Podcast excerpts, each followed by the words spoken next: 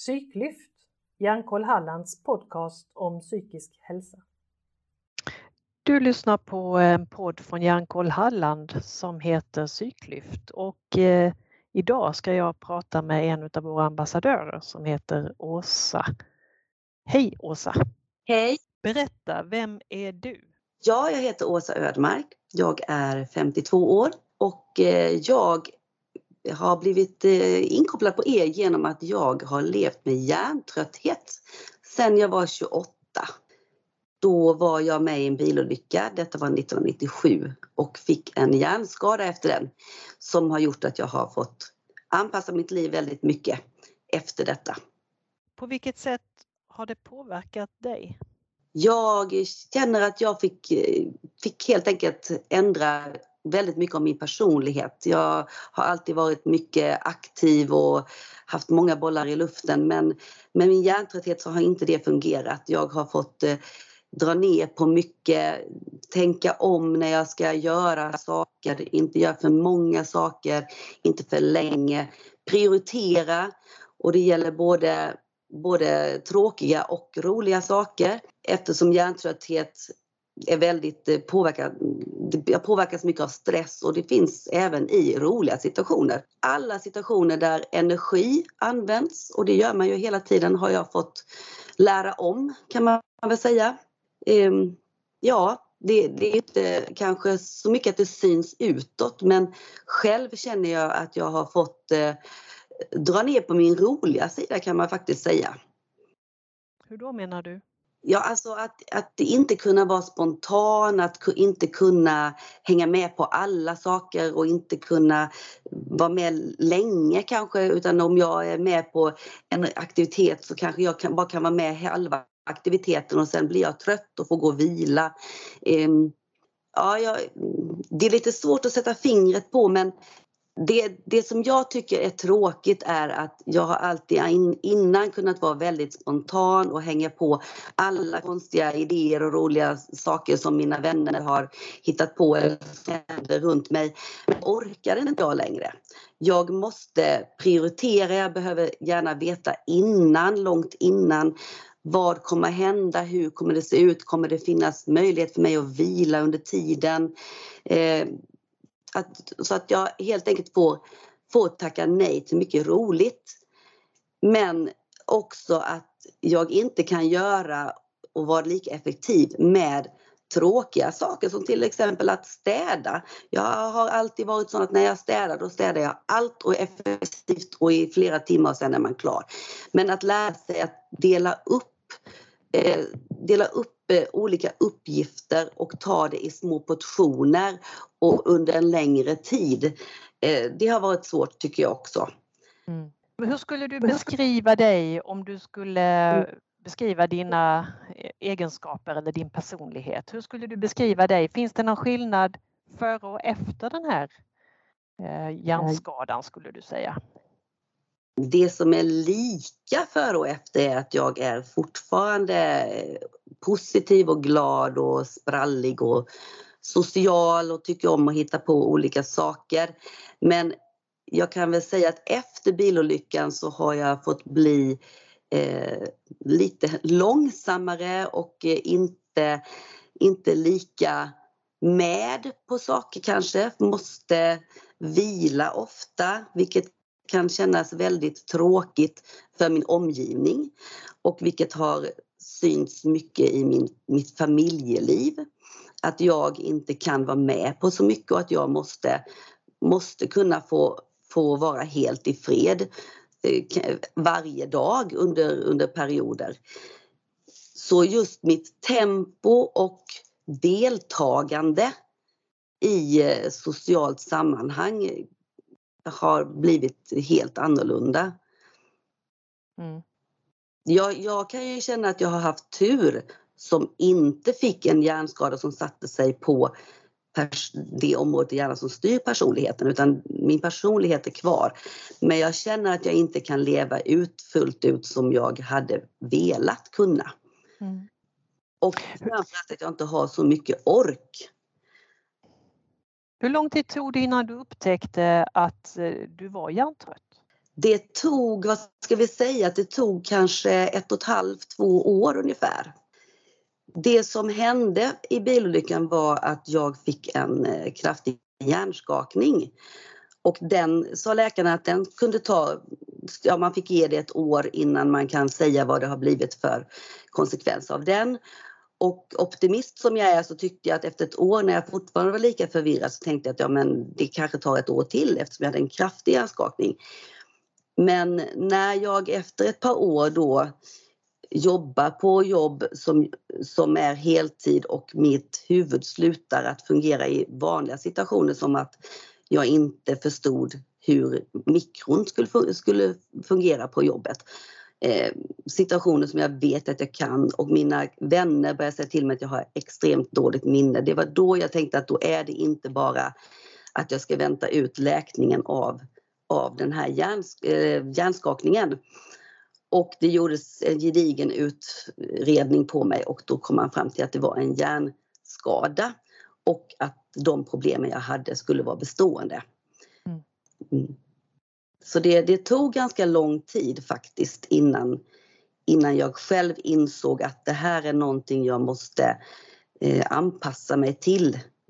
Och eh, fick då bland annat dra ner min arbetstid från heltid till halvtid och blev, fick sjukersättning på halvtid då. Så mm. det var ju en, en stor eh, förändring i mig som person att känna att jag, har, jag, jag fungerar som en halv person. Det var inte så lätt att eh, acceptera. Kan, det tog ungefär tio år kan jag säga det tog för mig att hitta en ny form, att hitta ett nytt jag och att känna att jag hade hittat en plats i livet där jag mådde bra och som jag kände mig nöjd med. Mm. Vad skulle du säga är den största utmaningen för dig som hjärntrött idag? Um, den största utmaningen är när det händer saker runt mig som jag inte kan välja bort. Som jag måste lägga energi på. Till exempel att jag ska flytta. Jag kan inte dra ut på den flytten i ett halvår. Det går inte. Jag måste göra den under en kort period. Och det kan vara väldigt svårt eftersom jag vet att min energi kanske inte klarar det. Jag har inte tillräckligt mycket energi för att göra göra den här intensiva flytten som måste göras. Eller att... Eh, nej, ta om. Mm, Ställ frågan en gång till. Vad skulle du säga är den största utmaningen för dig idag med att vara hjärntrött? Det är att klara av att hantera saker som händer runt mig som jag inte har kontroll på. Det kan vara att eh, någon annan behöver hjälp snabbt eller att jag ska genomföra en stor förändring i mitt liv. Nu har jag nyligen flyttat och en flytt kan man inte dra ut på hur länge som helst. Man måste packa och få ut alla saker och in allting i nästa under kort period. Då är det svårt för mig att att ge mig själv den vila som jag egentligen behöver varje dag. Och eh, att kunna fungera i en eh, vanlig situation som andra personer tycker är lätt att fungera i. Att eh, hitta ett arbete som, som jag kan eh, vila när jag vill och som jag kan hantera min egen energi för den är inte konstant. Jag har inte ett konstant eh, och för ett... Eh, ursäkta det är, svåra, det är svårt att göra någonting som måste vara regelbundet och funka regelbundet när min ohälsa inte är regelbunden. Mm. Och det är svårt, bland annat i en arbetssituation. Mm. Mm. Såklart. Ja. Om man bokar in dig som hjärnkollambassadör, vad kan man förvänta sig då? Då kan man förvänta sig att jag eh, jag... Eh, nej, vad svårt. jag tror att många kan få en liten aha-upplevelse för att just hjärntrötthet är något som kan drabba vem som helst bara för att man kanske är i en, i en stressig situation. Och många stressiga situationer kanske man inte själv förstår att det är en stressig situation. Mm. Mm. Till exempel om man studerar, har mycket att göra, det kan vara tentor. En sån situation kan få en att bli väldigt trött. Och jag hoppas att, att eh, gemene man ska känna efter att oj då, jag, jag bör nog dra ner på mitt tempo för att inte hamna i en situation där jag börjar må riktigt dåligt.